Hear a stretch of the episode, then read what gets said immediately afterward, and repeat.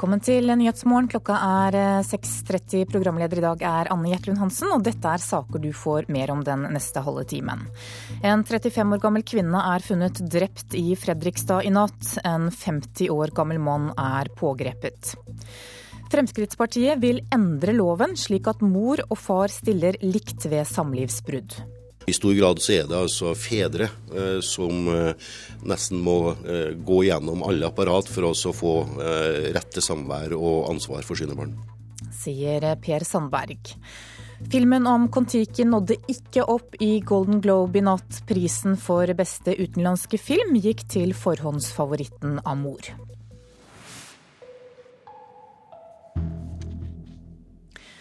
En 35 år gammel kvinne er altså funnet drept i Fredrikstad. Politiet fikk melding rundt midnatt om en kvinne som ble holdt tilbake i en bolig. Og da de kom til stedet, så fant de kvinnen hardt skadd, sier krimsjef i Fredrikstad, Ivar Prestbakken. Til tross for livreddende førstehjelp og ambulanse som raskt kom til stedet, så døde kvinnen på sykehuset i Østfold, Fredrikstad, seinere. Hun er 35 år gammel og bosatt i Fredrikstad. Eh, gjerningsmannen ble pågrepet i Sarpsborg etter kort tid. Den mistenkte gjerningsmannen. Han er siktet for å ha forvoldt kvinnens død, og sitter nå i politiets varetekt. Han skal vi avhøre i løpet av dagen. Han er 50 år gammel og bosatt i Fredrikstad. Og vi følger denne saken utover formiddagen. Det er mangel på likestilling i barnefordelingssaker, det mener Fremskrittspartiet. Derfor vil programkomiteen i partiet endre loven, slik at mor og far stiller likt ved samlivsbrudd. Likestillingen må lovfestes, sier komiteens leder Per Sandberg. Ja, vi mener at i barneloven så bør det eh, ligge opp til det at eh, ved samlivsbrudd der at det er barn inne i bildet, så bør det være obligatorisk automatisk at, eh, at ansvar og samvær og omsorg for barn deles 50-50. Så får det bli opp til foreldre å avgjøre omsorgsdelen i etterkant. Lovsituasjonen nå forklarer advokat Helene Elnes slik. Jo, barneloven den sier jo at uh, den forelderen som barnet ikke har fast bosted hos, skal ha i utgangspunktet da vanlig samværsrett, som er en ettermiddag i uka med overnatting, annenhver helg, tre uker i sommerferien og annenhver høst, jule, vinter og påskeferie. Mangel på likestilling råker fedrene, sier Per Sandberg. Og i stor grad så er det altså fedre eh, som eh, nesten må eh, gå gjennom alle apparat for å få eh, rett til samvær og ansvar for sine barn. Og det er ofte nettopp fedrene som søker juridisk hjelp i barnefordelingssaker, forteller advokat Elnes. Utgangspunktet for eh, barnefordelingssakene her eh, ved vårt kontor er at det er far som ringer, og som føler seg maktesløs og mor har da ut fra eget hode diktert hvordan samværet skal være, og far lurer jo da på om han ikke har noen rettigheter. I Høyre er en slett ikke overtydd om at Fremskrittspartiets lovframlegg er veien å gå. Vi diskuterer det gjerne, sier talskvinne Linda Hofstad Helleland, men hun er ikke overtydd om at to likestilte heimer automatisk er det beste for bona. Fordi at For oss så er det viktig å sette hensynet til barnet først, og særlig for de mest eh, sårbare barna. Så kan det være en eh, automatikk i at eh, man skal ha 50-50 fordeling, ikke er til barnets beste. Og da baserer vi oss på hva bl.a. barnepsykologer sier. Vi ser jo at uh, i flere og flere saker så er mor og far uh, enige. Det viktigste er at mor og far skal ha like rettigheter i lovverket, og så må man hensynta barnets beste i størst mulig grad. Og da går spørsmålet tilbake til Fremskrittspartiet og Per Sandberg. Er det sikkert at to likestilte heimer er det beste for bona? Ja, Det er det ulike meninger om, også i partiet. Eh, og det er det ulike meninger om eh, blant foreldre også. Men det er derfor at vi mener at foreldrene i mye større grad skal avgjøre fordelinga i forhold til omsorgen. Men i loven så bør det være et utgangspunkt og en hovedregel at eh, man vet i forkant at det er 50-50. Og så får man i etterkant da forhandle seg fram til hvilken fordeling man skal ha på omsorgen. Og Fremskrittspartiet møter Arbeiderpartiet til debatt i Politisk kvarter klokka 7.45. Reportere her det var Bjørn Bø og Lars Nehru Sand. Finanstilsynet vil ha høyere pensjonspremier for kvinner fordi de lever lenger enn menn. Dette vil føre til at det blir dyrere for arbeidsgivere å ansette kvinner enn menn, skriver Dagens Næringsliv. Banklovkommisjonen mener at premieinnbetalingen bør være den samme for kvinner og menn, men Finanstilsynet advarer altså mot en slik løsning. Skal vi ta en kikk på dagens aviser og se hva de har på forsidene sine i dag. Både VG, Dagbladet, Dagens Næringsliv og Finansavisen satser på pensjonsstoff i dag. VG gir deg din guide til gullpensjon, mens Dagbladet viser deg hvor mye du taper på å jobbe mindre. Dagens Næringsliv skriver som vi hørte at Finanstilsynet mener at kvinner bør betale høyere pensjonspremie enn menn fordi vi lever lenger. Og Finansavisen gir råd til privat ansatte om hvordan du redder pensjonen din. Ica gir fienden makten, skriver Aftenposten. Dagligvarekjeden overlater nå til hovedkonkurrenten Norgesgruppen å skaffe varer til butikkene sine. Klassekampen forteller at utenlandske selskaper bryter norsk lov. De driver med omfattende regulering av de ansatte og ekskluderer tillitsvalgte, ifølge en rapport. Menn som er 85 år eller eldre utgjør den største gruppen i selvmordsstatistikken, skriver Bergens Tidende. Årsaken er bl.a. at de er redde for å miste retten til å bestemme selv og bli avhengige av helsevesenet. EØS-milliardrush før sommerferien er nasjonens overskrift. Bare 39% av de 13 milliarder kronene som er satt av til EØS-prosjekter i perioden fra 2009 til 2013, er endelig godkjent for bruk. Og Utenriksdepartementet forventer nå et rush av godkjennelser i løpet av våren. Bergensavisen forteller om lille Oliver som ble skoldet av varmt vann, og som er operert tre ganger for skadene han pådro seg. Nesten alle som får brannskader, er barn under to år. Og Vårt Land skriver at både julehandelen og netthandelen gikk ned i fjor. Shoppestopp er i ferd med å bli trendy, ifølge avisa.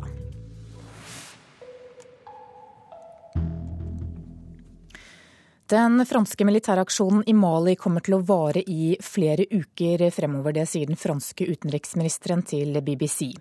Frankrike har siden fredag støttet regjeringsstyrkene i Mali i kampen mot islamistiske opprørere og å gjenvinne kontrollen over byen Konna. 550 franske soldater er nå utplasserte i Mali, i byen Mopti og i Bamako. FNs sikkerhetsråd skal diskutere konflikten i landet på et møte i dag. Og rett etter klokka sju så skal vi snakke med vår Afrikakorrespondent om det som nå skjer i Mali. Men nå skal vi snakke om noe helt annet, for i dag inviterer Høyesterett til pressefrokost. Der skal de legge frem sine vurderinger for året som har gått, og året som vi nå er godt inne i. Og høyesterettsjustitiarius Tore Skei, hvorfor gjør dere det? Eh, vel, Høyesterett eh, avsier jo eh, en rekke avgjørelser som betyr mye for de det gjelder. Både i straffesaker og i sivile saker. Og vi utøver samfunnsmakt som er følelig for de som berøres. Og det er viktig at slike samfunnsinstitusjoner er åpne om virksomheten og informerer om dem. Og eh, nettopp det, å informere, det er hensikten med denne pressefrokosten. Ja, du, hvilke saker var de viktigste i Høyesterett i fjor? Da er det jo naturlig eh, først og fremst å nevne de som ble behandlet i såkalt forsterket eh, rett. Vi hadde en sak i eh, storkammer, altså med elleve dommere, relativt tidlig i, i, fjor. Og det gjaldt spørsmålet i hvilken grad domstolene kan overprøve vedtak av gjenopptakelseskommisjonen om å nekte gjenåpning av straffesaker.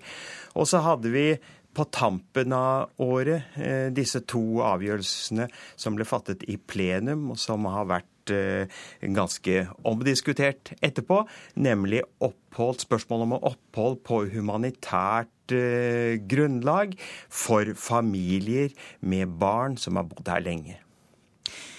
Hvilke saker fikk konsekvenser for flest privatpersoner?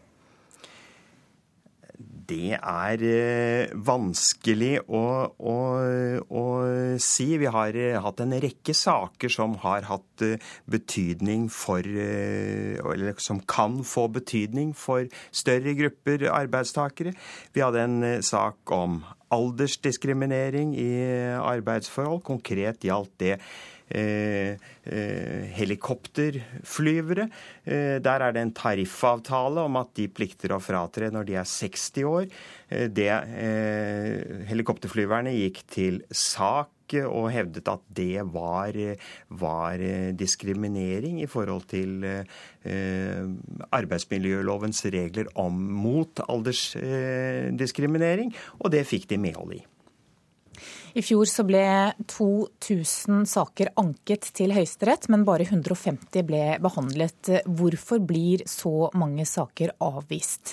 Vel, alle de 2000 sakene de er ikke eh, anker over dom. Det er en rekke av, eh, av, disse sakene, og det gjelder vel langt mer enn halvparten, eh, som er, eh, er anker over eh, andre spørsmål. Det gjelder eh, avgjørelser som, som treffes underveis i saker som foregår for de andre domstolene, f.eks. spørsmål om dokumentinnsyn. Og Der treffer det såkalte ankeutvalget realitetsavgjørelser i, i, eh, i, disse spørsmålene. En annen viktig kategori er fengslingssaker, som kan bringes helt opp til Høyesterett.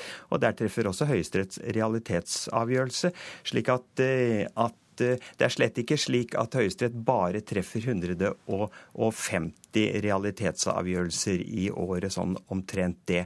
Men det er helt riktig når det gjelder dommer over, over eh, altså anker over dommer i lagmannsretten, at eh, Høyesterett bare behandler i avdeling et, et fåtall av disse.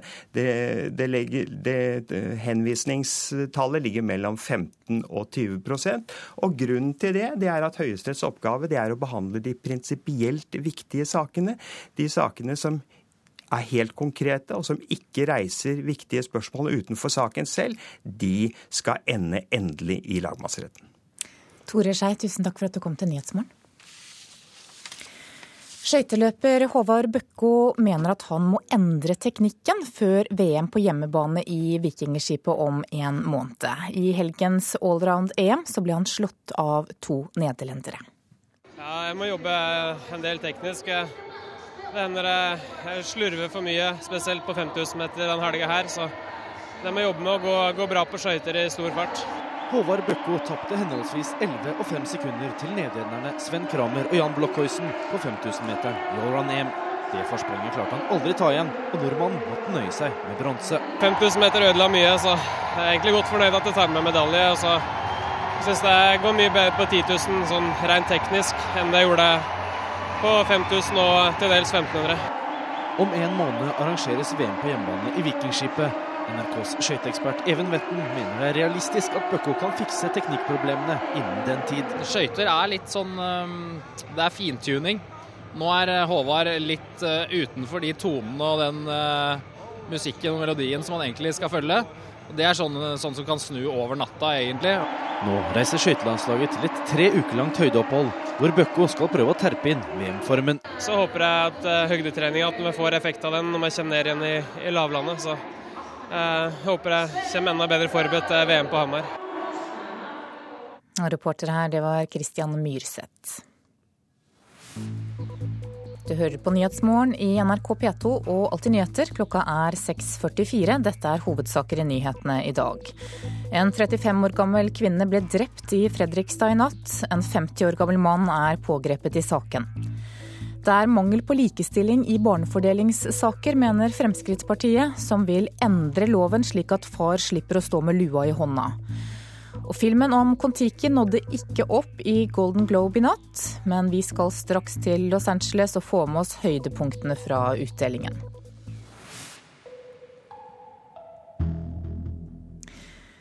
Barnevernet har overtatt omsorgen for 39 rombarn de siste ti årene. Det viser undersøkelser som Den norske romforening står bak. Flere norske rom har ustabile boforhold og store rusproblemer. Men leder av Romforeningen, Andreas Müller, mener omsorgsovertakelsene også skyldes at rombarna er ulovlig mye borte fra skolen. En av grunnene er det at ikke de møter opp på skolen, at, ikke, at det er fraværende fra skolen veldig lenge. og, og Det syns jeg også er veldig feil. Offentlige myndigheter kan verken avkrefte eller bekrefte hvordan barnevernet har grepet inn mot romfamilier de siste årene. NRK har vært i kontakt med Oslo kommune, Statistisk sentralbyrå og Barne-, ungdoms- og familiedirektoratet Buff, men ingen av dem har en egen oversikt over barnevern og romfolk. Flere norske rom sliter med rusproblemer, arbeidsløshet og analfabetisme. Men Muller mener barnevernet griper inn for raskt. Det ene tinget sier de at uh, foreldrene er misbrukere da, av medisiner og droger og sånt. Og på den andre siden, så hvis ikke barna møter opp på skolen, og så kommer da barnevernet inn i bildet, og så bruker de makt. Så det, jeg syns at det barnevernet gjør, at de tar dem fra foreldrene også og gir dem bort, liksom. Det er stygt gjort og veldig Det gjør de veldig raskt, altså. Jeg mener du de gjør det for raskt? Ja, absolutt for raskt. NRK fortalte i helgen at romelever i Oslo er borte fra skolen mer enn åtte ganger så ofte som andre elever i grunnskolen. Utdanningsetaten har derfor politianmeldt foresatte til 30 romelever for grovt brudd på opplæringsplikten de siste åtte årene. Og direktør for Bufdirektoratet, Marit Romal, understreker alvoret. Stort skolefravær er i seg selv omsorgssvikt og grunn nok til at barnevernet griper inn, sier Trommal. Ja, Dersom det er et stort uh, skolefravær, så er det helt klart at da må barnevernet undersøke hva som ligger bak dette uh, fraværet. Og er det en omsorgssvikt som ligger til grunn, så må barnevernet gripe inn og iverksette tiltak, slik at barnet får den skolegangen som den har krav på. Tidligere politioverbetjent Finn Abrahamsen har i mange år arbeidet med sigøynere og romfolk. Han jobbet 35 år i Oslo-politiet, og mener det er en skam slik myndighetene behandler norske rom. Jeg syns det er eh, tragisk. Det er en skam, dette her. Altså vi ikke klarer å få dette til. Når vi ikke har mer enn 700 ca. fastboende av eh, romfolk, så mener jeg det at dette skulle være rimelig enkelt å få til noe bedre enn det vi i dag er vitne til. Mener du det er feil at barnevernet griper inn? Nei, jeg mener ikke at det er feil at barnevernet griper inn. Det mener jeg ikke. For eh, jeg håper jo inderlig det at de gjør dette etter grundig vurdering. Men jeg tror at i noen tilfeller så kan det være av tilfeller der som ellers at man overreagerer og, og gjør dette. Det sa tidligere politioverbetjent Finn Abrahamsen. Reporter her var Kjell Vesje. I helga startet 850-årsmarkeringen av Hedalen stavkirke i Sør-Aurdal i Oppland. Dette er den eneste kirken i landet med så å si alt av det katolske middelalderutstyret i behold. Vi bruker jo. På vei til en av landets eldste trekirker, Hedalen stavkirke i Sør-Aurdal. Den er fra 1163. Den er fantastisk. Det er koselig. Tradisjonsrikt. Og... At jeg greide greid å beholde den slik, det er helt utrolig, syns jeg. Men uh... Bjørg Berg, menighetsrådet og kirketjener Herman Sukke låser opp det eldste bygget i Valdres. Sånn. Går det an å høre kirkeklokka? Det kan vi prøve. Kirkeklokkene er omtrent like gamle som kirka. I dag ringer de kun til ære for oss. Det er bare naboer som reagerer i tilfelle. Ja. Ja. Leder av jubileumskomiteen Elling Fekjær kommer. Fra Elverum, ja. Det er lang vei. Ja da. Første gang du er her. Ja, det er. Også, dette også er 850 år. Med stolthet viser han oss rundt i det unike 850 år gamle trebygget. For det første så ser vi Madonnaen til venstre der. Den er jo kjent. Det mest spesielle med kirka i Valdres er at den har det meste av det katolske middelalderinteriøret i god behold. Det fineste middelalderkunst som finnes i Norge. Relikvieskrinet det finnes at kun to relikvieskrin i Norge nå. I tillegg røkelseskar og altertavle fra 1250 som inneholder hemmelige rom. God dag. Hei. Nå skriver prosten i Valdres, Anne Hilde Øygarden, bok om Hedalen stavkirke. Jeg syns jo det er fryktelig spennende å, å grave litt i historia. Og få eh, innsikt i hva som er funnet ut de senere åra. Det ønsker jeg å, å bringe fram i boka. da. Blant annet er det oppdaga at altertavla har hemmelige rom. Det viser seg å være et madonnaskåp, som i si tid har antakeligvis inneholdt mange relief, som da har vist Marias eh, liv og historie. Og det er avdekka av forskere ved NIKU, Norsk institutt for eh, fortidsminneforsking. Her er det en god del runer som, eh, som er da tya. I boka vil hun bl.a. avsløre hva runeinskripsjonene i veggene betyr. Det er funnet noen runeinnskrifter som er tolka. Og De har i sin tid blitt gitt ei tolking, og nå viser det seg at det er grunnlag for å gi den ei annen tolking. Det betyr at det er i runen et veldig spennende budskap, som jeg vil benytte um, som et slags uh, gjennomgangstema i boka. Kan du si noe mer om hva slags budskap det er? Nei, det får vente. Mer vil ikke forfatteren si nå, før boka kommer ut til hovedjubileet i juni, da også kongehuset er invitert til Valdres. I helga startet 850-årsmarkeringa av Heddalen stavkirke. Hver måned i hele år blir det jubileumsarrangementer i stavkirka fra 1163. Dette er jo ikke ei eh, kirke som et museum. Dette er jo bygdas brukskirke.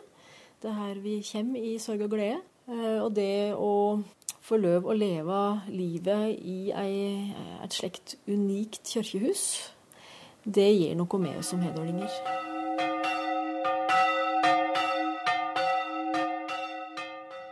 Det sa prost og forfatter av ny bok om den 850 år gamle Heddalen stavkirke, Anne Hilde Øygarden. Og reporter i Valdres, det var Stein S. Eide.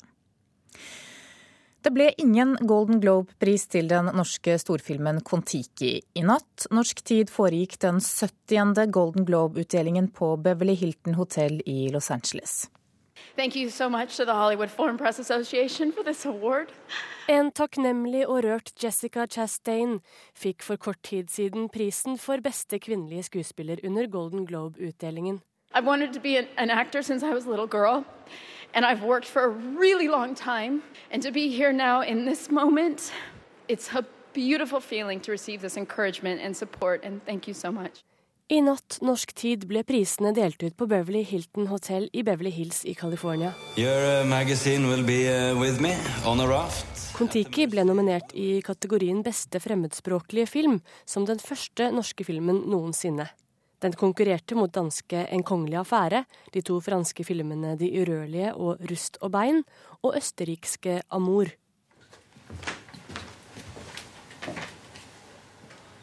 Mais tu fais quoi Tu avais laissé l'eau couler. Dis donc, qu'est-ce qui t'arrive Tu es complètement folle Michael Hannikes Amour var forhåndsfavoritten, og det ble altså den som stakk av med prisen for beste utenlandske film. Ça se veut une plaisanterie ou quoi Golden Globe ble delt ut av Hollywood Foreign Press Association for 70. gang i natt norsk tid.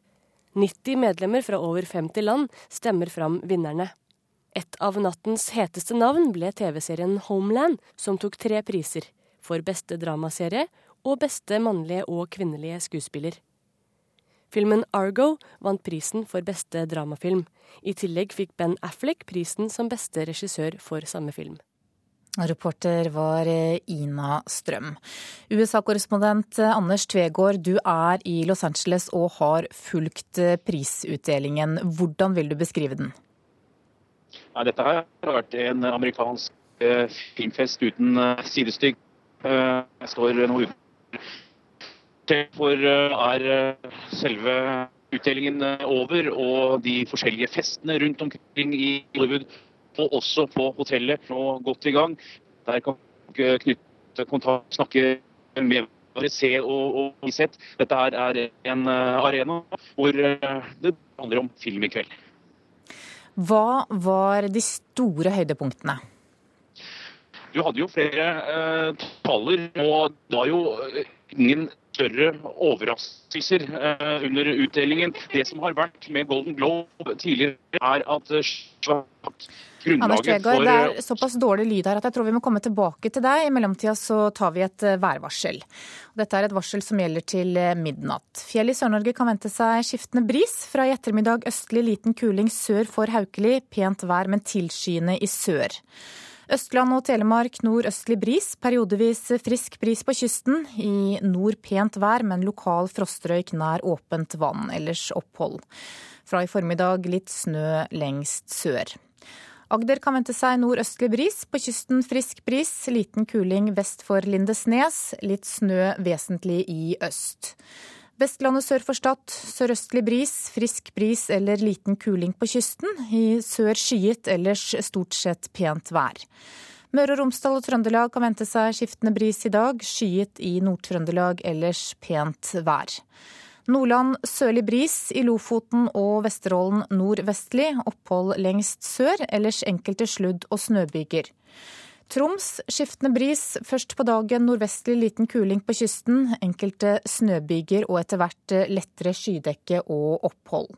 På Finnmark er det ventet nordlig frisk bris. Vest for Nordkapp liten kuling frem til i ettermiddag. Enkelte snøbyger vesentlig på kysten. Og på Nordensjøland på Spitsbergen er det ventet nordøstlig bris og pent vær i dag. Så tar vi noe med noen temperaturer som ble målt klokka fire. Da hadde Svalbard lufthavn minus 15, Kirkenes minus 4, Vardø og Alta hadde minus 2, Tromsø, Lang Tromsø Langnes og Bodø hadde pluss 2. Brønnøysund 1, Trondheim Værnes minus 10, Molde minus 6. Bergen og Stavanger hadde minus 1 grad, Kristiansand Kjevik minus 6. Gardermoen minus 17, Lillehammer minus 21. Røros hadde minus 33, og Oslo-Blindern hadde minus 16 grader da klokka var fire. Og da skal vi tilbake til deg, Anders Tvegård. Du er altså i Los Angeles og har fulgt Golden Globe-utdelingen i natt. Det ble altså ingen pris til Kon-Tiki, men hvordan reagerte de bak filmen på det? Nei, Kon-Tiki-gjengen skrudde ned forventningene på forhånd og sier at de uansett kommer på en andreplass. Og bare det å bli nominert er å vinne i seg selv for dem. Du kan tenke deg en, et utstillingsvindu som Golden Globe og også en Oscar-nominasjon, hva det betyr for filmen når den også skal lanseres her i USA. Det de sa til NRK etter Golden Globe-utdelingen, vi møtte dem på vei inn til en av festene her, var at de har tro på at en Oscar skal være mer i sikte enn Golden Globe, fordi det er Golden Globe deles ut av utenlandske journalister her i Hollywood. Mens Oscar har en annen sammensetning med et akademi over 1000 mennesker som, som stemmer. Så de ser framover og skal bare ha det gøy her i Hollywood i kveld. Jeg lurer på om du kan eh, gjenta litt av høydepunktene og hvordan det er å være med på denne festen. Det var så dårlig lyd i stad at vi, vi fikk ikke med oss alle detaljer. Nei, lyden blir dårlig når alle skal på mobilnettet samtidig, og det er kanskje et uh, dårlig tegn i forhold til festen hvis alle er på mobiltelefon. Men uh, dette her har jo vært litt av en uh, filmseanse med alt det man kan forvente seg av amerikansk feiring av egen bransje. Her har det vært taler. Jodie Foster var kanskje kveldens store overraskelse da hun ble tildelt prisen for årelang tjeneste og holdt en tale der flere trodde at hun pensjonerte seg når hun måtte forklare til oss i presserommet etterpå at det var ikke det hun hadde ment med talen. Eh, ellers så er det jo en god del eh, unge eh, folk som også kommer inn. Ben Affleck har fått regissørpris for første gang. Det er ting som er spennende å følge med på. Det som har vært med Golden Globe i år, er at den kommer etter Oscar-nominasjonene. Tidligere så har Golden Globe kommet før og lagt litt løpet for hvordan Oscar skal bli. Nå kan man se det på en litt annen måte, at det kan bli to spennende prisutdelinger her i, i, i nye Hollywood. Ja, Hva slags betydning har det da å, å, vinne en Golden Globe for de som også er nominert til Oscar? Det, er, det å være nominert begge steder er et utstillingsvindu som man bare kan, som er vanskelig å måle. og Her knytter man da kontakter, møter de sentrale menneskene, ser og, og blir sett. Dette her er en arena hvor det, hvor det handler om å smi mens jernet er varmt, og også f.eks. for eh, Kon-Tiki-gjengen, som nå har noen amerikanske kontakter på filmen på amerikansk kino. Det å bli nominert betyr at publikum også ser at dette er noe de kan ha lyst til å gå og se på. Hadde filmen ikke blitt nominert, så tenker mange at hvorfor skal jeg gå og se en film som ikke engang eh, blir sett på som blant de fem beste utenlandske filmene. Eh, så dette her er eh, Dette her handler om å, bli, å se og bli sett. Takk til deg, Anders Tvegård i Los Angeles.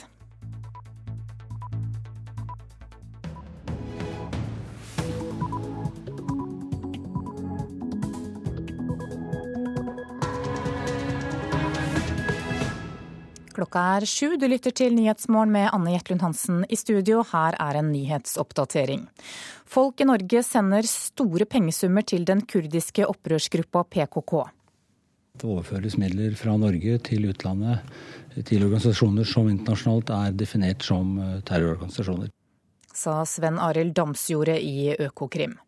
En 35 år gammel kvinne er drept i Fredrikstad i natt. En 50 år gammel mann er pågrepet i saken. I helga ble nok en jente i India utsatt for gruppevoldtekt da hun skulle ta bussen hjem.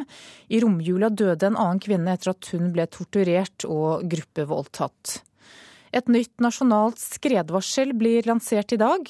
50 observatører landet over skal gi deg et mer detaljert varsel over hvor det er fare for snøskred og hva slags skredfare det er Jeg tror det kan være også være med å, å bevisstgjøre folk eh, før de går ut. Eh, hvilke tur skal jeg gå i dag, hvilke tur skal jeg ikke gå i dag. Sa skredobservatør Marianne Nikoma. Og sykehuset Namsos prøver ut en operasjonsmetode som reduserer liggetida etter hofteoperasjoner. Store pengebeløp sendes ulovlig ut av landet til den kurdiske militære opprørsgruppen PKK. Økokrim bekrefter at folk i Norge med ulovlige metoder sender penger til militære opprørsgrupper og terrororganisasjoner i utlandet. Fjellene i grenseområdet mellom Tyrkia og Irak. En av mange blodige kamper mellom den tyrkiske hæren og den kurdiske opprørsgruppa PKK. Siden midten av 80-tallet har 45 000 mennesker blitt drept i disse kampene. NRK vet at norske myndigheter kjenner til at det går mye penger gjennom ulovlige kanaler ut av landet for å finansiere PKK sin kamp. Sven Arild Damsjordet i Økokrim sier de ikke ønsker å kommentere PKK direkte. Men de ser at det brukes illegale metoder for å frakte penger til militære opprørsgrupper i utlandet. Vi har kunnskap om at det overføres midler fra Norge til utlandet til organisasjoner som internasjonalt er definert som eh, terrororganisasjoner. Finansiering av terrorisme kan jo både komme fra legitime og også illegitime midler, og det er vår erfaring eh, så langt. Det norske råd for kurdernes rettigheter, RKR, stiller seg uforstående til dette. Det sier informasjonssekretær Nazar Rasul. Dette er nytt for oss. Vi, vi kjenner ikke til dette. PKK defineres som terrorister av Tyrkia og flere vestlige land. Men for kurderne selv er dette en kamp for sin egen identitet og kultur. I forrige uke fikk verden igjen se at konflikten på ingen måte har roet seg. Kurder over hele verden fordømmer nå at tre kurdiske kvinnelige aktivister ble funnet likviderte i Paris. Den ene var en av PKKs grunnleggere. Rasul sier kurdere her hjemme åpent gir penger for å støtte PKKs frigjøringskamp, men han kjenner ikke til noen ulovligheter. Dette tror vi at det er bare påstander, og at dette er bare et forsøk for å bagatellisere alvorligheten av eh, drapet som skjedde i Paris. Og reportere her var Ellen Borge Christoffersen og Øsker Tufan. En mann er pågrepet mistenkt for å ha drept en 35 år gammel kvinne på Lisleby i Fredrikstad i natt. Politiet rykket ut ved midnatt, forteller krimsjef Ivar Prestbakken. Da politiet kom til stedet, så ble det funnet en alvorlig skadd kvinne. Til tross for livreddende førstehjelp og ambulanse som raskt kom til stedet, så døde kvinnen på sykehuset i Østfold, Fredrikstad, seinere. Hun er 35 år gammel og bosatt i Fredrikstad. Gjerningsmannen ble pågrepet i Sarpsborg etter kort tid. Den mistenkte gjerningsmannen han er siktet for å ha forvoldt kvinnens død, og sitter nå i politiets varetekt. Den mistenkte mannen er i 50-åra, og også bosatt i Fredrikstad. Han skal avhøres utover dagen. Samtidig foretar politiet tekniske undersøkelser i boligen på Lisleby. Forholdet mellom offeret og den antatte gjerningsmannen er noe politiet venter med å si mer om. Reporter her, det var Trond Johnsen. I dag blir det lansert et eh, nytt nasjonalt skredvarsel. Tallet på skredulykker har økt kraftig, og bare de tre siste vintrene så har 27 personer omkommet i snøskred. Observatører landet rundt skal nå ut i terrenget og kartlegge den lokale skredfaren. Med en pipende skredsøker i handa springer Marianne Nikoma bortover skaresnøen i Sogndal. Heldigvis er det bare ei øving. Denne gangen ligger det ikke et menneske som kjemper for livet under snøen. Hun er en av 50 observatører landet rundt som nå skal opp i fjellet for å kartlegge skredfaren. Min rolle blir da å gå ut i fjellet og i oppsøke terreng og vurdere da skredfaren. To ganger i veka skal hun gå en fast tur i området rundt Tromsø og holde øye med skredfaren. Håpet er at dette skal redde liv. Jeg tror det kan være også være med å, å bevisstgjøre folk eh, før de går ut. Eh, hvilke tur skal jeg gå i dag, hvilke tur skal jeg ikke gå i dag. I dag blir dette nye varselet tilgjengelig via internett og mobil. Stadig flere blir drepne av snøskred her i landet. Det sier prosjektleder i snøskredvarslinga, Rune Engeseth. Vi ser at det er mange ulykker eh, knytta til snøskred. Det var jo 27 mennesker som døde av snøskred eh, foregående tre vintre. Eh, og vi tror også at folks bruk av fjellet er i endring, sånn at det kan bli enda flere uker fremover. Skinasjoner i t.d. Alpene har hatt slike varsel i mange tiår. Altså, det er ikke noe skredvarsel i dag. Så det nye er at det kommer et snøskredvarsel som vil fortelle om faregrad. Det vil fortelle om hvilket skredproblem er det du har i området ditt akkurat nå. Hvor er det mest utsatt terreng? Og eh, også ut fra det så kan du tenke deg hvordan skal du håndtere det, hvordan skal du unngå å havne i skred. Reporter her var Terje Gilleshammer. Og i ettermiddag så åpnes altså den nye skredvarslingsportalen av olje- og energiminister Ola Borten Moe. Og direktør Per Sanderud i Norges vassdrags- og energidirektorat, eh, velkommen til Nyhetsmorgen. Takk for det. Hva er det viktigste ved denne nye portalen? Det viktigste er at den gir råd til brukere av naturen om hvordan de skal oppføre seg. Og den gir god opplysning til Vegvesenet og Jernbaneverket om veiene skal stenges eller om de skal holdes åpne. Du må fortelle litt, Hvordan fungerer tjenesten? Nei, Fire dager i uka, mandag, onsdag, fredag, lørdag, så vil vi lage eh, oppdaterte varsler som vi legger ut på vår varslingsportal eh, varsom.no. Og Den vil da bli tilgjengelig, og den kan også kunne bli lagt ut på Yr og andre nettsteder. Så brukere av naturen vil kunne gå inn der og se om, eh, om hvor stor skredfaren er. Ja, så vil dere at alle som ferdes i fjellet og i skredutsatte områder skal bidra med informasjonen. Hvordan skal dette gjøres? Nei, Vi har laget en veldig enkel app eh, som du kan finne på AppStore, som heter RegOps.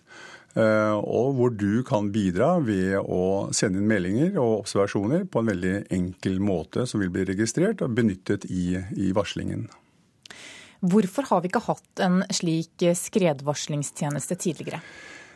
Eh, NVE fikk skredansvar i 2009, og nå er det blitt stilt midler til disposisjon av regjering og, og, storting til dette. Så vi har brukt da et år eller halvannet på å bygge opp denne, denne, tjenesten. Men som eh, det er sagt tidligere i sendingen, så er det flere ulykker, og det er mer nødvendig enn tidligere å ha denne type tjeneste. Men det er jo sånn allerede at vi varsler om fare for snøskred i værvarsel og på nyhetsmeldinger og i perioder og områder når det er stor fare. Hva er det som gjør at dere tror at en slik portal skal ha større effekt? Det varsles de høyeste faregradene i dag varsles eh, på værmelding. Eh, de fleste ulykkene skjer faktisk ved lavere faregrader midlere faregrader, og det er viktige opplysninger som eh, brukere av naturen vil ha nytte av. Og i ettermiddag så er dere i gang? I ettermiddag så startes eh, dette. Knappen trykkes på av eh, Morten Moe, og da er varslingen i gang. Takk til deg, direktør Per Sanderud i Norges vassdrags- og energidirektorat. Da er klokka blitt eh, ni minutter over sju. Du hører på Nyhetsmorgen i NRK P2. Dette er hovedsakene våre nå.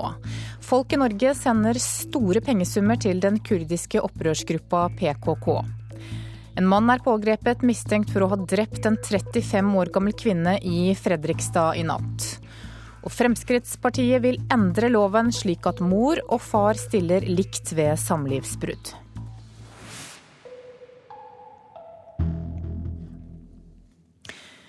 I helga ble nok en jente i India utsatt for gruppevoldtekt da hun skulle ta bussen hjem.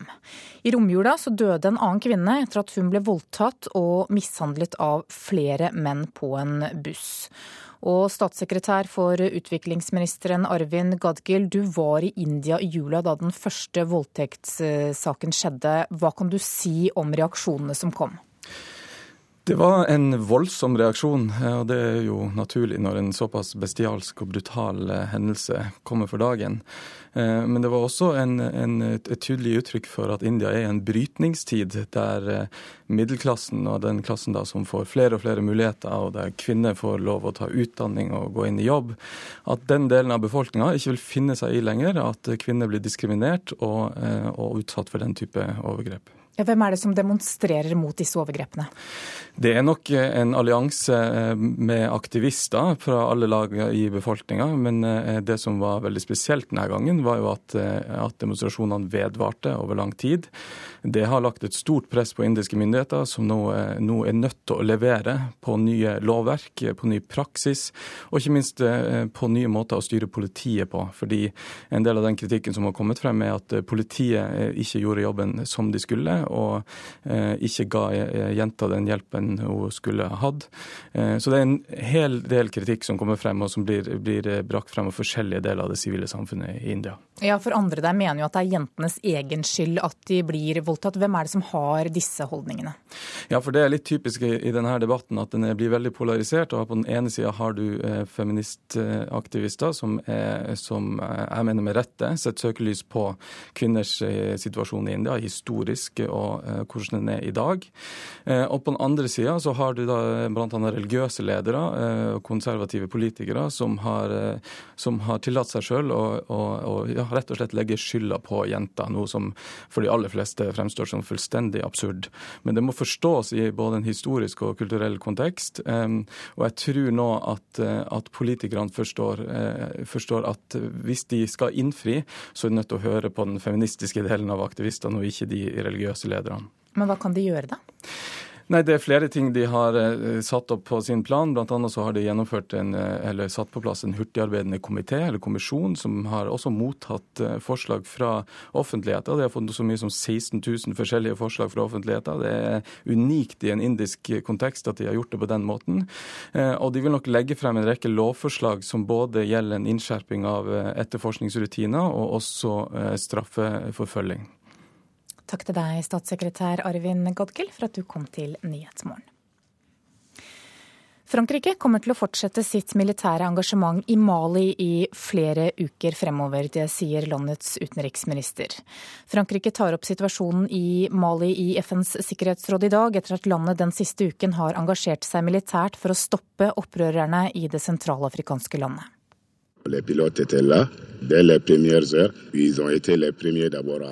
Det var en tydelig fornøyd malisk generalstabssjef Ibrahim Dembele som i går inspiserte sine styrker i byen Sevare, etter at hans menn, med god hjelp fra franske bombefly, før helgen hadde klart å stoppe de islamske opprørernes frammarsj mot Malis hovedstad Bamako. Franske fly hjalp oss i kampen, og vi bør være takknemlige for den hjelpen vi fikk, sa Dembele, som likevel la vekt på at det var hans egne menn som bærer den tyngste byrden i borgerkrigen. Men innsatsen fra franske fly, sammen med utplasseringen av 550 franske elitesoldater i Mali, har gjort at verdens oppmerksomhet plutselig er blitt rettet mot hva som skjer i dette store landet sentralt i Afrika. Det siste året har islamske opprørere tatt kontroll over store deler av den nordlige og østlige delen av Mali, og for en uke siden truet de også landets hovedstad Bamako. Opprørerne i Mali har vakt oppsikt ved å ødelegge verdifulle gravplasser, bl.a. i den historiske byen Timbuktu, og mange fryktet at Mali med dette var i ferd med å bli et nytt Afghanistan, styrt av islamske fundamentalister, inspirert av terrorbevegelsen Al Qaida. Nå er altså opprørernes frammarsj midlertidig stoppet. Det store spørsmålet er om et militært engasjement fra Frankrike i lang tid framover vil være nødvendig for å sikre stabiliteten i dette fattige og urolige landet. Og det sa utenriksmedarbeider Morten Jentoft.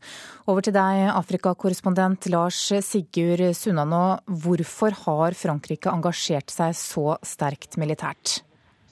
Ja, det befinner seg fortsatt rundt 6000 franskmenn i denne tidligere kolonien, men det som først og fremst har bekymret Frankrike og mange andre vestlige regjeringer, er at ørkenområdene nord i Mali skal bli et slags Afghanistan, der Al Qaida og andre terrororganisasjoner kan få et fristed og opplæring. og Tysklands utenriksminister Guido Westerwelle sier at da trues ikke bare Mali og nordafrikanske stater, men også Europa. Men det er også viktig å være klar over at ørkenområdene som islamistene kontrollerer, har en rekke ruter for narkotika og menneskesmugling til Europa, noe de tjener store penger på.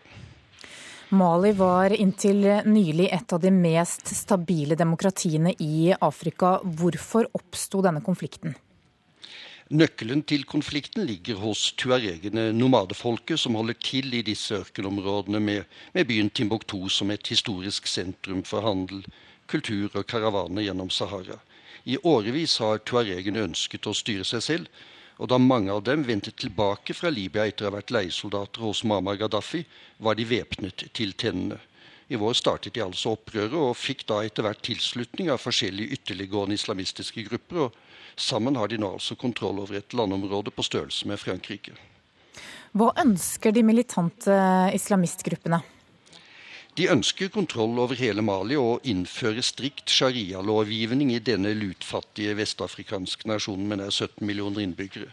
Om det også er målet for de mer moderate tuaregene, er tvilsomt. Deres ønske er primært økt selvstyre, og aller helst en egen nasjon, Asawad, i ørkenområdene der de har sine røtter. Takk til deg, Afrikakorrespondent Lars Sigurd Sunnanå. Koalisjonen til den tidligere statsministeren Silvio Berlusconi øker sin oppslutning foran valget i Italia neste måned, ifølge nye målinger. Sentrum Venstre ligger fortsatt klart best an til å vinne valget, men Berlusconis allianse går frem. Jeg mener at vi er på god vei til å vinne tilbake alle som stemte på oss i 2008 og å overtale noen nye. Det sa Berlusconi til sin egen Kanal 5 TV i helgen. Skuespilleren Gerard Depardieu kritiserer den politiske opposisjonen i Russland. Opposisjonen har ikke noe program, de har ingenting, sier han til fjernsynskanalen Rositsja. Tidligere denne måneden fikk Depardieu russisk pass under en middag med president Vladimir Putin. Han hadde da forlatt Frankrike i protest mot skattenivået i hjemlandet. Under halvparten av de 13 milliarder kronene Norge har betalt til prosjekter i EU-land som en del av EØS-avtalen frem til 2014, er så langt godkjent for bruk. Og mange av prosjektene vil aldri bli gjennomført, og hele støtten vil ikke bli brukt. Det skriver avisa Nasjonen. 146 program i 15 mottakerland får støtte i perioden 2009 til 2014, men bare 39% er så langt godkjent. Årsaken er at planer endres, prosjekter blir rimeligere enn antatt, eller at mottakerlandet ikke klarer å iverksette de planlagte tiltakene.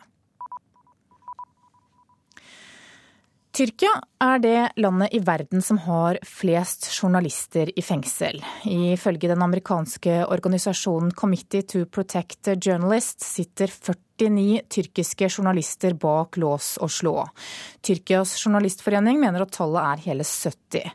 Og reporter Jan Espen Kruse, du har nettopp kommet tilbake fra Tyrkia der du har jobbet med denne saken. Hvordan vil du beskrive situasjonen for journalister i landet? Den er veldig forskjellig. Altså De som utfordrer myndighetene, som kritiserer dem, som skriver om menneskerettigheter, om kurderspørsmålet, eh, de som havner i myndighetenes søkelys, for dem er situasjonen veldig dramatisk. Eh, de som havner på svartelisten, de eh, har veldig, veldig vanskelige forhold. Og, dette at Tyrkia ligger på toppen i verden blant fengslede journalister, det var for meg en stor overraskelse. Og lederen for Journalistforbundet i Tyrkia han sa til meg at nå lever man i en tilstand av frykt. Journalistene arbeider under frykt og en stor grad av selvsensur. Og det å vite at man når som helst kan bli tiltalt i en rettssak og risikere kanskje ti års fengsel, det er noe som, som, virkelig er dramatisk. Og dette, Tyrkia er jo et demokrati, det er et Nato-land. Et land som i hvert fall tidligere ønsket å komme inn i EU. Eh, så situasjonen er veldig merkelig på mange vis. Ja, Du fulgte en rettssak mot ledende journalister. Hvilket inntrykk fikk du? Eh, det var en kjempesvær rettssal. Kloss ved Europas største fengsel, med plass for 11 000 fanger. Der eh, journalistene sitter på en spesielt streng avdeling. Sånn at, og der satt altså dommeren sammen med, med aktor Eh, de satt rett ved siden av hverandre på et podium. Inn kom disse journalistene eh, som, som man kunne se var eh, en del av Tyrkias intelligensia, elite. Og så ble det kalt fram vitner som var de, de, folk som kunne gått inn som banditter i hvilken som helst B-film. Altså kontrasten hvordan de politiske myndighetene drar journalistene inn i rettssaker eh, for å få dem Eh, inn bak lås og slå for å få brysomme journalister til å tie stille. Det, det var en merkelig prosess. Hva sier tyrkiske myndigheter om anklagene fra journalistorganisasjonene? For det første så ville de ikke si noen ting foran et fjernsynskamera. I en uformell samtale så sa de at dette er ikke journalister, dette er kriminelle, dette er terrorister. De er ikke dømt pga. deres journalistiske arbeid, men pga. forbrytelser eh, mot den tyrkiske staten. Jeg spurte hvorfor er det så veldig mange journalister nettopp i Tyrkia eh, som da har våpen og driver med terror og statskupp i forhold til andre land. Det hadde de ikke noe godt svar på.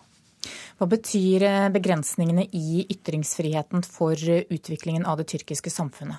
Det betyr naturligvis at makten, at regjeringen, myndighetene, de sittende myndighetene, har ikke noe korrektiv. Eh, journalistene er redde for å gå inn og kritisere hardt. De vet hva følgene kan være for seg selv og for sine familier. Eh, dermed får myndighetene eh, ja, fortsette med den politikken uten å få det som er et nødvendig eh, korrektiv for å utvikle samfunnet i mer riktig retning. Takk til deg, reporter Jan Espen Kruse. Da skal vi ta en kikk på dagens aviser og se hva de har på forsidene sine i dag. Og både VG, Dagbladet, Dagens Næringsliv og Finansavisen satser på pensjonsstoff i dag. VG gir deg din guide til gullpensjon, mens Dagbladet viser deg hvor mye du taper på å jobbe mindre. Dagens Næringsliv skriver at Finanstilsynet mener at kvinner bør betale høyere pensjonspremie fordi de lever lenger. Finansavisen gir råd til privat ansatte om hvordan du redder pensjonen din. Ica gir fienden makten, skriver Aftenposten. Dagligvarekjeden overlater nå til hovedkonkurrenten Norgesgruppen å skaffe varer til butikkene sine.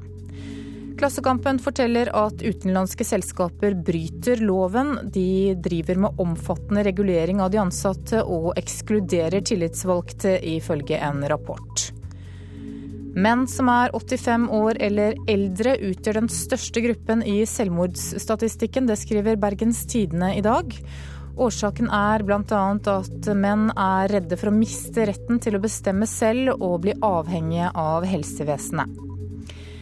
EØS-milliardrush før sommerferien er nasjonens overskrift. Bare 39% av de 13 milliarder kronene som er satt av til EØS-prosjekter fram til 2014 er endelig godkjent for bruk.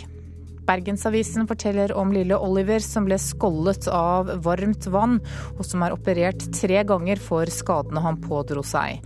Nesten alle som får brannskader er barn under to år.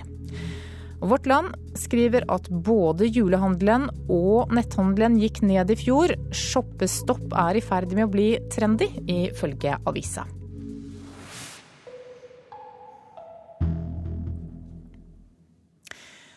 Sykehuset Namsos er først i Midt-Norge med å prøve ut en operasjonsmetode som reduserer liggetida etter hofteoperasjoner. Den nye operasjonsmåten sparer muskler og muskelfester, og dermed slipper pasientene mye smerte.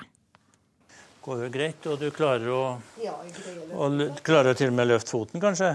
Der, ja. Se, Se der. Klarer du å holde den sånn òg, eller? Men i dag har jeg kommet inn i senga alene. Gjør du det? Kommer seg opp og ut av senga alene. Det er god bevegelse. Overlege Kjell Grigel undersøker pasienten som har fått satt inn et kunstig hofteledd for bare tre dager siden. Nå er hun allerede på vei ut fra sykehuset. Det etter en operasjon som var langt mer omfattende for bare noen år siden, og som fortsatt er det på de fleste sykehus. Ja, vi har jo etter hvert funnet ut at vi kan gjøre dette inngrepet mindre ved at vi da ikke løsner musklene like mye. Altså, vi kan nå egentlig gå inn i hofteleddet uten å løsne muskulatur. Og Det viser seg da å gi mindre smerter, og eh, pasienten får mindre problemer når han skal trene seg opp. Hvor mye har dere forkorta liggetida, så tror du nå? Ja, altså Vi har de siste tre åra forkorta liggetida med to døgn. Vi hadde for tre år siden et liggetid sånn gjennomsnittlig da, for hofteoperasjoner på seks og et halvt døgn.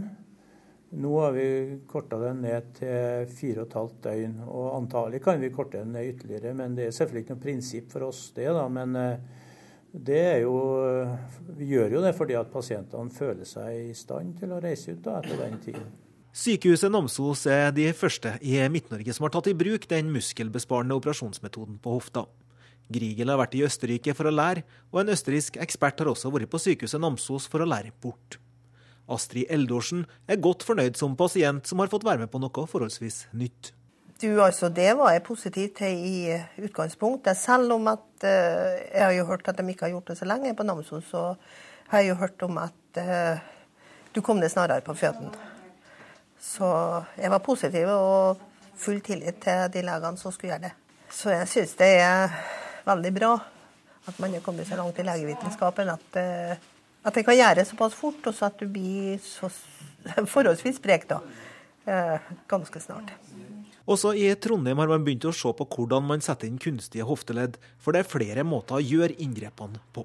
Det er jo et relativt stort inngrep, kan du si. Man må jo da inn i leddet, fjerne rester av leddbrusken og erstatte den da med kunstige leddflater. Dvs. Si, hofteskåla må erstattes, og selve leddhodet må erstattes. Sammen med bedre planlegging og andre narkosemetoder kan det være mulig å få liggetida helt ned på to døgn, har det vist seg i utlandet. Det på en operasjon der det for ti år siden ikke var snakk om å komme seg ut av senga før det hadde gått mye lengre tid. Vi har til nå bare operert de yngste på den metoden, fordi at det har vært utstyr og sånn som bare har vært laga for visse proteser. Og det er de protesene som vi har brukt på de yngste pasientene. Men det er egentlig ikke noe i veien for at man også kan bruke det på eldre, og bruke det på proteser som vi bruker på eldre. Sånn at det er kanskje et mål da, etter hvert å, å gjøre det på alle pasienter. Skulle jeg ha bruk for en operasjon til, så drar jeg gjerne til Namsos sykehus. Du er klar til å reise og pakke allerede? Ja. Så det er bra. Ja. Så vi håper det går fint videre, og at du blir sprek i Haransfjorden. Det tror jeg. Det var reporter Kjartan Trana som hadde besøkt sykehuset i Namsos. Du hører på Nyhetsmorgen i NRK P2. Den neste halvtimen så blir det først Dagsnytt 7.30, og rett etter det så skal vi høre at mange i Nord-Irland nå er bekymret for at den 15 år gamle freden er i ferd med å rakne. De siste seks ukene så har det vært demonstrasjoner i Nord-Irland hver eneste dag. Og etter det så får du Politisk kvarter klokka 7.45. Der er programleder i dag Bjørn Bø. Og det skal handle om at Fremskrittspartiet mener at det er mangel på likestilling i barnefordelingssaker. Partiet mener at likestilling må lovfestes, og møter Arbeiderpartiet til debatt i Politisk kvarter. Dersom du har kommentarer eller tips til Nyhetsmorgen, ris eller ros, så send oss gjerne en e-post. Adressen er nyhetsmorgen krøllalfa nrk.no. Så minner jeg om at du også kan laste ned hele Nyhetsmorgen som lydfil eller podkast. Mer informasjon om det finner du på nrk.no. Produsent for Nyhetsmorgen i dag heter eh, Ingvild eh, Ryssdal. I studio Anne Jetlund Hansen, og nå gjør Ida Creed seg klar til å gi deg Dagsnytt 7.30.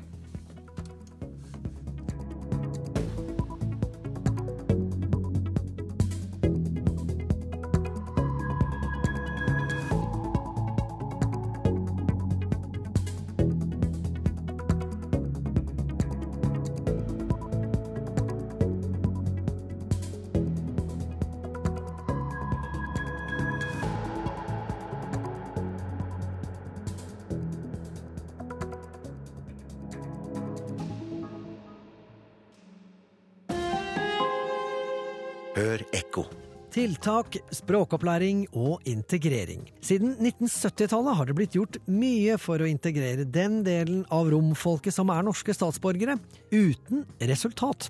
Må vi bare akseptere at romfolket lever utenfor storsamfunnet når tiår med tiltak og planer ikke har hjulpet? Hør Ekko på mandag. Ekko 9 11 i NRK P2. Fremskrittspartiet vil gi mor og far like rettigheter i barnefordelingssaker. En mann er pågrepet siktet for å ha drept en kvinne i Fredrikstad i natt. Den norske filmen Kon-Tiki fikk ikke Golden Globe-pris i natt. Her er NRK Dagsnytt klokken 7.30. Barneloven må endres slik at mor og far blir likestilt i barnefordelingssaker ved samlivsbrudd. Det mener programkomiteen i Fremskrittspartiet. Dagens lov, som tar utgangspunkt i at barnet har et førstehjem, oftest hos mor, er feil, mener leder i programkomiteen Per Sandberg. Det er store mangler i barneloven eh, når det er samlivsbrudd der at det er barn inne i bildet. Der opererer man fortsatt med en primærforelder og en sekundærforelder. Det betyr at det er den ene forelderen som får hovedomsorgen ved samlivsbrudd, og vi mener at det er ikke likestilling på noen slags måte. Og i stor grad så er det altså fedre eh, som eh, nesten må eh, gå gjennom alle apparat for å få eh, rett til samvær og ansvar for sine barn.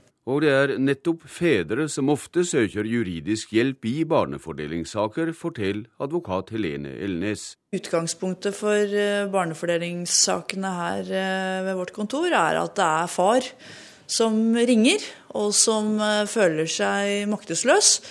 Og mor har da ut fra eget hode diktert hvordan samværet skal være, og far lurer jo da på om han ikke har noen rettigheter. Politisk møter Fremskrittspartiet og Per Sandberg skepsis hjå sin potensielle regjeringsfelle Høyre. Det er ikke sikkert at to likestilte heimer er til beste for borna, sier Linda Hofstad Helleland. Det er Automatikk i at eh, man skal ha 50-50 eh, fordeling ikke er til barnets beste. Og da baserer vi oss på hva bl.a. barnepsykologer eh, sier. Vi ser jo at uh, i flere og flere saker så er mor og far uh, enige. Det viktigste er at mor og far skal ha like rettigheter i lovverket, og så må man hensynta barnets beste i størst mulig grad. Og det blir eh, debatt om dette i Politisk kvarter på P2 klokken 7.45. Reportere Bjørn Bø og Lars Nehru Sand. En mann er satt i varetekt mistenkt for å ha drept en 35 år gammel kvinne i Fredrikstad. Politiet rykket ut ved midnatt, sier krimsjef Ivar Prestbakken. Da politiet kom til stedet, så ble det funnet en alvorlig skadd kvinne. Til tross for livreddende førstehjelp og ambulanse som raskt kom til stedet, så døde kvinnen på sykehuset i Østfold, Fredrikstad, seinere. Hun er 35 år gammel og bosatt i Fredrikstad. Eh, gjerningsmannen ble pågrepet i Sarpsborg etter kort tid. Den mistenkte gjerningsmannen han er siktet for å ha forvoldt kvinnens død, og sitter nå i politiets varetekt. Den mistenkte mannen er i 50-åra, og også bosatt i Fredrikstad. Han skal avhøres utover dagen. Samtidig foretar politiet tekniske undersøkelser i boligen på Lisleby. Reporter Trond Johnsen. Store pengebeløp sendes ut av landet på ulovlig vis til den kurdiske militære opprørsgruppen PKK. Ifølge kilder NRK har snakket med, vet norske myndigheter at mye av pengene som går ut av landet, smugles ut i det skjulte. Fjellene i grenseområdet mellom Tyrkia og Irak. En av mange blodige kamper mellom den tyrkiske hæren og den kurdiske opprørsgruppa PKK. Siden midten av 80-tallet har 45 000 mennesker blitt drept i disse kampene. NRK vet at norske myndigheter kjenner til at det går mye penger gjennom ulovlige kanaler ut av landet for å finansiere PKK sin kamp. Sven Arild Damsjordet i Økokrim sier de ikke ønsker å kommentere PKK direkte. Men de ser at det brukes illegale metoder for å frakte penger til militære opprørsgrupper i utlandet. Vi har kunnskap om at det overføres midler fra Norge til utlandet til organisasjoner som internasjonalt er definert som eh, terrororganisasjoner. Finansiering av terrorisme kan jo både komme fra legitime og også illegitime midler, og det er vår erfaring eh, så langt. Det norske råd for kurdernes rettigheter, RKR, stiller seg uforstående til dette. Det sier informasjonssekretær Nazar Rasul. Dette er eh, nytt for oss. Vi, vi kjenner ikke til dette. PKK er definert som terrorister av Tyrkia og flere andre vestlige land. Men kurderne selv mener de kjemper en frigjøringskamp for sin egen identitet og kultur. Rasul vet at privatpersoner her hjemme gir av egen lomme, men kjenner ikke til ulovligheter. Dette er, eh, Vi kjenner ikke til dette. Tror vi at dette er bare rykter og påstander. Reportere Ellen Borge Christoffersen og Øsker Tufan. Frankrike kommer til å fortsette sitt militære engasjement i Mali i flere uker fremover, sier landets utenriksminister Laurent Fabius. Frankrike tar opp situasjonen i Mali i FNs sikkerhetsråd i dag, etter at landet den siste uken har engasjert seg militært for å stoppe opprørerne i det sentralafrikanske landet.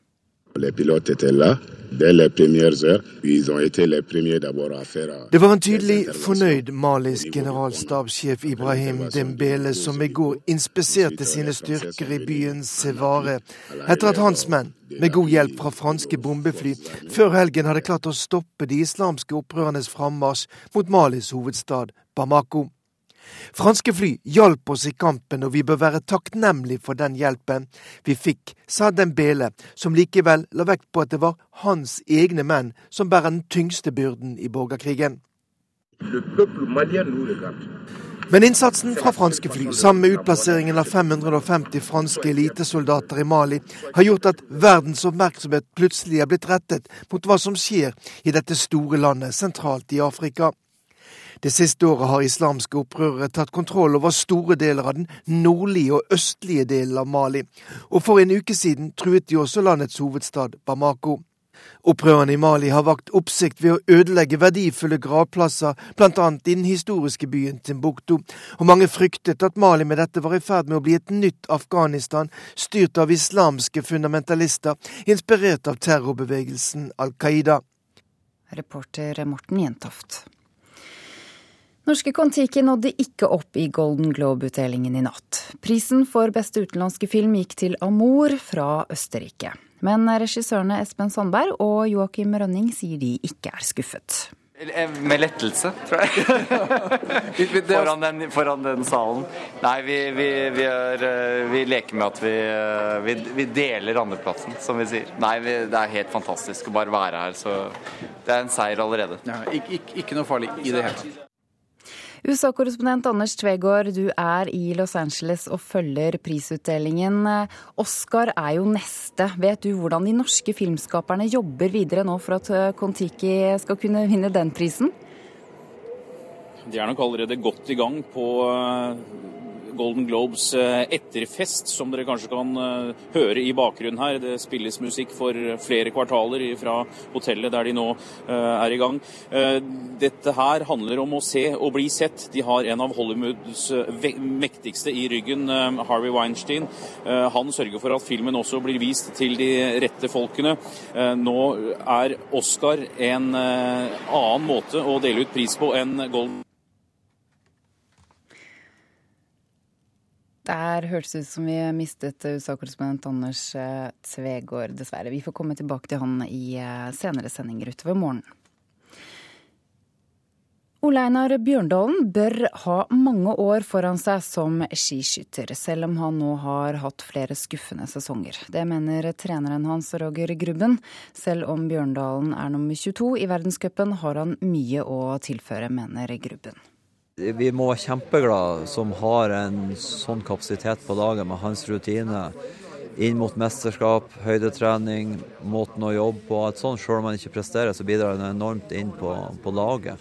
Ole Einar Bjørndalen fikk et mageonde og gikk ikke en eneste meter konkurranse i ropholding. 38-åringen reiste i går hjem uten at NRK fikk tak i han. Reporter Ole Rolfsrud. Finanstilsynet vil ha høyere pensjonspremier for kvinner fordi de lever lenger enn menn.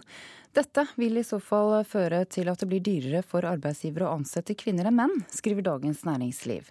Banklovkommisjonen mener at premieinnbetalingen bør være den samme for begge kjønn. I denne sendingen har du hørt at Fremskrittspartiet vil gi mor og far like rettigheter i barnefordelingssaker.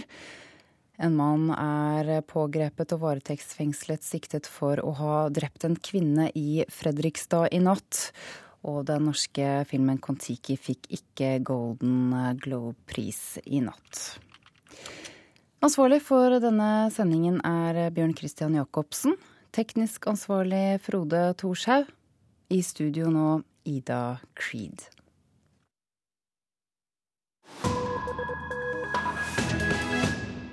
Klokka 7.40 så fortsetter Nyhetsmorgen, og vi skal til Nord-Irland.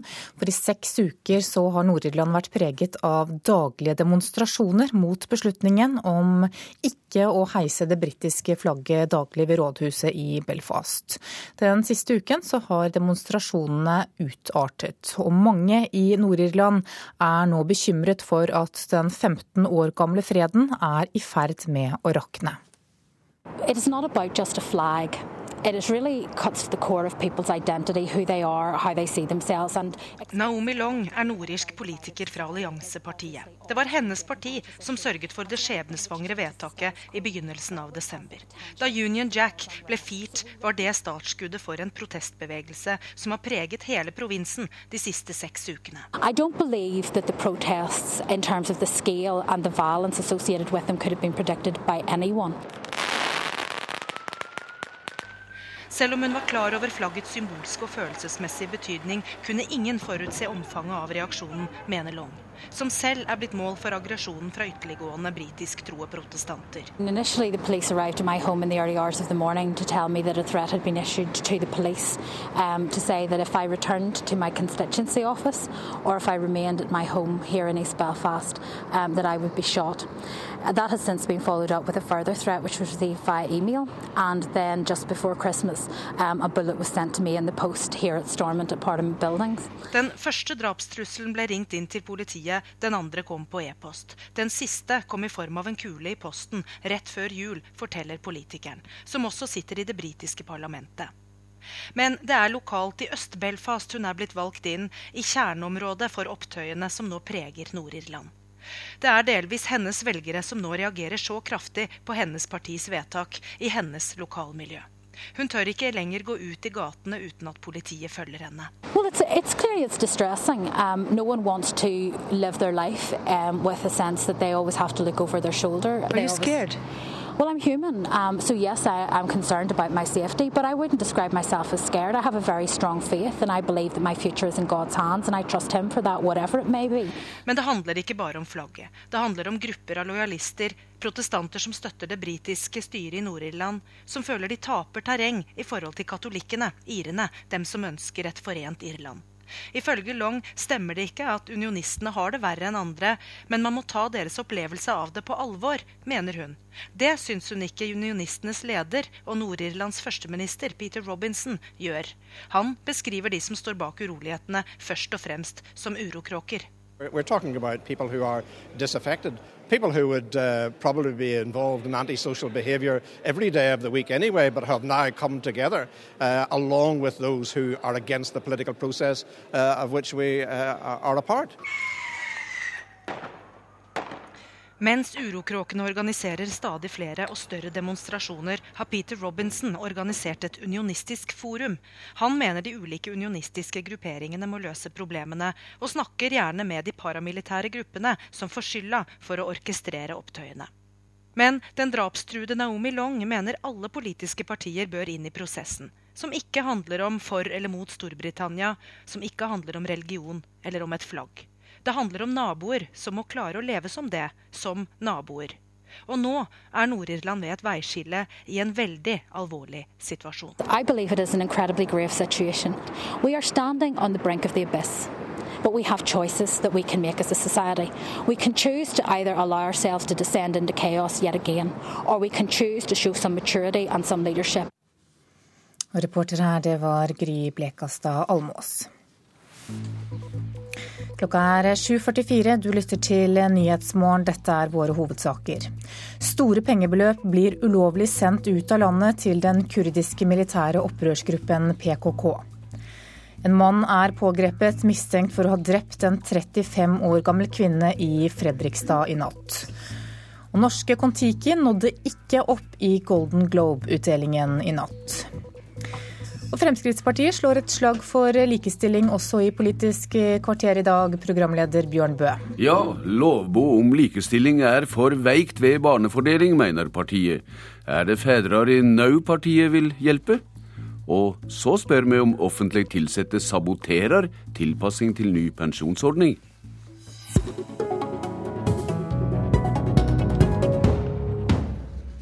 I dag har vi hørt i Dagsnytt at Fremskrittspartiets programkomité vil lovfeste full likestilling mellom mor og far om barnefordeling ved samlivsbrudd.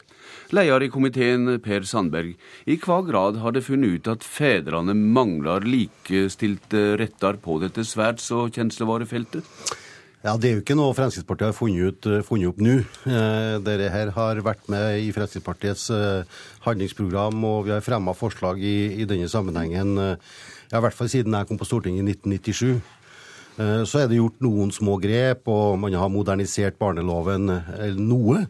Men fortsatt så mangler det vesentlige, mener vi, da. Det er det at Eh, barns rettigheter til likestilte foreldre i barneloven i forhold til barnefordelingssaker når du har samlivsbrudd, eh, den mangler fortsatt. Man opererer fortsatt med at den ene forelderen er primær, og den andre da nærmest sekundær. Og, og det er faren som regel? Ja, du har mange tilfeller faktisk der at det er motsatt også, etter hvert. Eh, det har blitt mye bedre i forhold til fars stilling oppi i saker der at du har barnefordeling, men fortsatt så er det altså i mange saker saker, ikke voldsomt mange saker. For heldigvis så er det sånn at de aller, aller fleste foreldre løser det her uten konflikt. Men så har du da ja, 1,5-2% av disse sakene som kan føre til konflikt, og som på et eller annet tidspunkt havner i, i domstolene. Er det altså overtydd om at det er best for barna at de i utgangspunktet har to likestilte heimer når foreldra går fra hverandre? Nei, Det som vi gjør her, det er å likestille barns rettigheter til, til likestilte foreldre i barneloven. Hvordan foreldrene løser samvær, omsorg, det er opp til foreldrene i stor grad. Eh, men så er det i noen sammenhenger, altså noen få prosent av tilfellene, der at foreldrene ikke greier å løse disse utfordringene. Og så møtes de i domstolen. Og så må de møtes i domstolene. Og så tror vi da at hvis du har et lovverk som er klar og tydelig overfor de foreldrene også som eventuelt måtte få en konflikt med samlivsbrudd, så tror vi det er forebyggende. Vi tror også at flere av dem som i dag kommer i konflikt, greier å løse dette her på en bedre måte når man er eh, eh klar over at lovverket tilsier at det er likestilt i barneloven. Leder i familiekomiteen på Stortinget, Gunn Karin Juel fra Arbeiderpartiet. Hvor gode mener du Fremskrittspartiets tanker er? Jeg mener jo at barneloven i dag er veldig likestilt. Fordi at barneloven legger ingen føringer om hvem barnet skal bo hos etter at man har fått en skilsmisse. Den sier veldig tydelig og klart at det er det opp til foreldrene og sjøl å vurdere. Og at man må ta hensyn først og fremst til hva som er det beste for ungene. Det som Fremskrittspartiet foreslår, det er én løsning, nemlig at det skal være delt bosted ved skilsmisse. Det kan være kjempebra for mange unger, men det kan også være veldig dårlig for andre unger. Derfor så har barneloven lagt seg på linje hvor man faktisk sier at det må det være opp til foreldrene sjøl å bestemme, og det syns vi faktisk er en veldig god løsning. Så det Fremskrittspartiet kommer med her, det er bare tull etter ditt syn? Vi tror ikke at det er det beste for ungene. fordi at eh, når du kommer til en skilsmisse, er kanskje den mest sårbare situasjonen et barn kan havne i. Og da må man i det enkelte tilfellet vurdere hva som er det beste for ungene. Det kan til og med faktisk være sånn at blant søsken så kan det være den ene ordninga er bedre enn den andre ordninga. Og Det er ikke lenger enn et par år siden det var et offentlig utvalg som så på dette. Og det store majoriteten er helt entydig på hvor de fraråder at man skal ha én løsning som den klare løsninga i barneloven, delt bosted. Nemlig fordi at de er redd for at det ikke alltid er til beste for store majoriteten av ungene. Per Sandberg, ser du at du kan bli mistenkt for å ta mer omsyn til fedrene enn til barna? Ja, men hvis det fremstilles på den måten som Arbeiderpartiet her gjør, så kan man bli skeptisk. Men vi fremmer jo ikke en løsning. Og vi fremmer jo ikke noe lovpåbud om delt bosted eller delt omsorg. Vi eh, fremmer et forslag der hvor at loven fremstiller at barn skal ha likestilte foreldre i forhold til omsorg og ansvar. Så er det foreldrene sjøl som velger, i stor grad i dag, og vil gjøre det med vårt lovforslag også. Eh, i forhold til hvor stor omsorg den ene skal ha, og hvor ansvaret skal ligge hen. Men så er det altså i noen tilfeller, og det er det vi søker etter, vi, der at det er konflikt, og der at det er barn som blir lidende i alle sammenhenger, der at det må inn i domstolene for å løse det. Hvis vi signaliserer til disse i forkant i loven at i utgangspunktet har begge foreldrene akkurat samme ansvar, akkurat samme plikter overfor barnet, da tror vi at det kan være forebyggende å få ned konfliktsnivået, og kanskje fjerne noen konflikter. Det er ikke noe påbud om at alle skal ha delt bosted eller eh, delt omsorg, for det mener vi at foreldrene i beste grad og i størst mulig grad skal løse sjøl. Ja, Gunn Karin Juel, det er vel et poeng at etter hvert som fedrene har fått mer av foreldrepermisjon ved fødsel til dømes, og fått en annen posisjon i høve til barna kanskje enn seinere, så er det kanskje rett å lovfeste full likestilling? Vi, vi, er kjempefor at fedre skal ha større rettigheter, og vi er veldig for at vi skal ha et likestilt foreldreskap. Og det likestilte foreldreskapet det starter ved barns fødsel og ikke ved skilsmisse. Men hva er, det, hva er gale med, med Sandbergs ja, argumentasjon? Fordi at han på en måte glemmer en vesentlig ting. Og det er at uh, i de tilfellene der foreldre faktisk velger delt bosted for ungene sine, så er det oftest i forlengelsen av at man faktisk har hatt en delt uh, samvær og samarbeid om ungene før skilsmissen, og det er de mest likestilte foreldreskapene. Og hva er det som er typisk for de mest likestilte foreldreskapene? Jo, det har vært deling av foreldrepermisjon, mm. det at pappa har vært mye mer hjemme med barna enn i andre tilfeller. Og det, det her det svikter i logikken til Fremskrittspartiet. For de er jo mot fedrekvote, de er for kontantstøtte. Alt som gjør at vi vil få den tradisjonelle husmora som er hjemme og tar mm. omsorg for ungene, mens far er ute og har liten kontakt med ungene sine. Da må du presisere logikken din, ja, Sandberg. Altså, for det første så er Fremskrittspartiet for fedrekvote, men vi ønsker jo at fedre og mødre skal løse det sjøl, og ikke at Arbeiderpartiet skal bestemme hvor stor kvote den ene og den andre skal ha. Og så ta tak i det. Eh, Gunn Kari sier likestilt eh, foreldreskap eh, kommer ved fødselen. Det er riktig, det. Men mangelen på likestilling kommer til syne ved skilsmisse der at det er barnefordeling inne i bildet i mange saker. Det er beviset på at det mangler et eller annet i barneloven som gjør det 100 i forhold til barns rettigheter til likestilte foreldre i barneloven. Og, og, og, så kan vi si at heldigvis er det ikke så mange. Det er bare noen få prosent. Men dessverre så ser vi at domstolene får flere og flere saker inn der at uh, denne type konflikt uh, blir sterkere og sterkere. Og da er det barn som lider under det. Og hvis det er slik, sånn som Fremskrittspartiet tror, at med å få inn dette her i lovverket i dag, kan være med å forebygge én eller to eller kanskje ti konflikter, så har vi altså gjort mye for noen få barn. Og det er det Fremskrittspartiet er villig til. Så har man jo også, da, som jeg sa innledningsvis, modernisert litt. For man har åpna for at domstolen i enkelte særskilte saker kan dømme til delt omsorg. Mm. Så man har åpna for prinsippet, og da syns jeg man kan fullføre det gjennom å likestille også da barns rettigheter i barneloven. Ja, Gunn Karin Juel, det kan en vel da? Kanskje du taper i tevlinga om likestilling med Frp? Det er ikke Altså, det, altså, poenget er det at det er jo ikke barneloven det er noe feil med, men det er jo det tradisjonelle kjønnsrollemønsteret som fremdeles er så sterkt i det norske samfunnet at du får en sånn skjevdeling også ved, ved, skilsmisse. Sånn at Per Sandberg han bør gå hjem og gjøre leksa si og begynne å kjempe for fedres rettigheter før skilsmisse og sørge for at vi får likestilling i samfunnet, så vil vi faktisk få en mye bedre resultat også etter skilsmisse. Dette er en stor kamp for fedrets rettigheter. For fortsatt så er det slik at majoriteten av, av dem som taper i denne type saker, så er det fedre. Det har blitt bedre, men fortsatt så er det stort sett fedre, eller barn, må jeg få lov til å si, som mister samvær og omsorg med sin far. Og det er alvorlig. Da får vi se hvordan framlegget ditt blir mottatt denne gangen. Per Sandberg, takk også til Gunn Karin Juel for dette ordskiftet.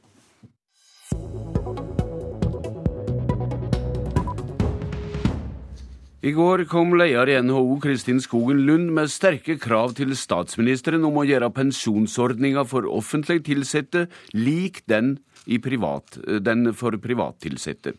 La oss høre Skogen Lund og Jens Stoltenberg fra Dagsrevyen i går. Vi har en privat sektor som har innført hele pensjonsreformen og godtatt det fordi de forstår det. Og det har vært nesten ingen støy rundt det. Og vi ser at folk jobber lenger. Og det er ingen misnøye knyttet til dette her i privat sektor. Og da må det da være mulig å innføre det samme i offentlig sektor. Det er feil å fremstille som at pensjonsreformen ikke ble innført i offentlig sektor. De viktigste tiltakene for å gjøre den mer bærekraftig er allerede innført. Men hvorfor har du ikke innført hele pensjonsreformen i det, også i det offentlige? Fordi det har vært en forutsetning hele tiden at staten ikke skal diktere en løsning verken i privat eller offentlig sektor. Ja, det var altså statsministeren, og vi hørte også reporter Astrid Randen.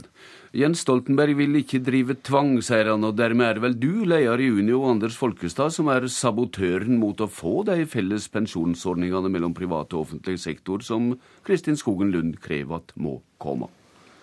Statsministeren han har helt rett eh, når han sier at eh, Skogen Lund tar feil i sine påstander om eh, pensjonsreforma. Store deler er innført. De viktigste innsparingsgrepene mm. er gjort både i privat sektor og i offentlig sektor. Dette er vedtatt av Stortinget. Så Skogen Lund, måten hun uttrykker seg på, viser at i denne saka så er hun på bortebane i dobbel forstand. Men eh, det har tryggere pensjonssluttsum? Det har alltid vært sånn at det har vært ulikskaper mellom offentlig og eh, privat eh, tjenestepensjon. Folketrygda er lik for alle. Og så er det rett at det er noen skilnader, særlig i tjenestepensjon, der det er en annen ordning enn i privat sektor, der en på visse vilkår opptjener opp til 66% av uh, sluttlønna. Og det er mulig det er det Skogen Lund vil skal vekk. Men når, når hun ønsker seg lik ordning, så veit hun ikke sjøl engang hvordan ordninga i privat sektor kommer til å verte. Hvorfor mener du Skogen Lund er utidig? Jeg syns at uh, her kommer hun med feil påstander. Dessuten så går hun inn i et område som er et forhandlingsområde der hun ikke er part. Eh, jeg har ikke noen mistanke om at hun ønsker forbedringer, verken for offentlig eller privat ansatte. Mm. Eh, hun ønsker at ansvar og risiko for tjenestepensjon eh, for alle, også offentlig eh, sektor, skal overføres til den enkelte. Det er vi imot. Det var harde tak i førre runden av pensjonstingene. Hvor villig er du nå til å gå en ny runde, nettopp med tanke på like ordninger i privat og offentlig sektor? Jeg syns ikke en uten videre kan snakke om like ordninger, fordi at en veit ennå ikke hvordan tjenestepensjon i privat sektor er. Mm. Det er, det er faktisk eh, flere hundre tusen, iallfall et par hundre tusen i privat sektor som har like god eller til og med bedre tjenestepensjon enn i eh, offentlig sektor. Og så er det jo sånn at eh, vi har bestemt, eller det er bestemt, at Pensjonsreformen av ordningene skal evalueres fram til 2017, og da får en jo se om en f.eks. har tatt for hardt i når det gjelder den såkalte levealdersjusteringa, altså at pensjonene skal kuttes i takt med økt levealder. Ja, og vi må vel holde fast i bunnen her, Anders Folkestad, at også du ser at vitsen med pensjonsreform er at vi skal makte finansieringa av godene? Og vi skal eh, makte å eh, arbeide lenger. Det er også et viktig poeng i dette her. Og der ser vi altså at eh, folk i offentlig sektor står lenger nå. Og, og den, den lengda øker mer i offentlig sektor enn i privat sektor. Bl.a. fordi vi har litt bedre fleksibilitet for somme årsgrupper. I dag hører vi at lederen i Finanstilsynet mener arbeidsgivere må betale mer inn til kvinners pensjonsordninger enn til menns, fordi kvinner lever lenger og skal ha pensjon i flere år. Hva sier du til det? Nei, Dette er jo eh, enda et uttrykk for at eh, pensjon er i ferd med å bli et sånt eh, business- og spekulasjonsområde. Jeg tror det er viktig at vi holder fast på at eh, både folketrygda og pensjonsordningene i hovedsak er kollektive ordninger, og en kan ikke splitte opp etter kjønn eller andre grupperinger som en vil kunne finne på. Så uh, dette syns jeg også er et uh, dårlig forslag. Og det er den enkeltes ansvar det kan bli for tungt når det gjelder pensjon, er det det du ser? Det er i basis og bør være ei kollektiv uh, ordning, og så vil det, hvis vi ser arbeidslivet under ett, være en del individuelle tilpasninger. Takk til deg, Anders Folkestad, for at du kom til Politisk kvarter, som er slutt. Jeg heter Bjørn Bø.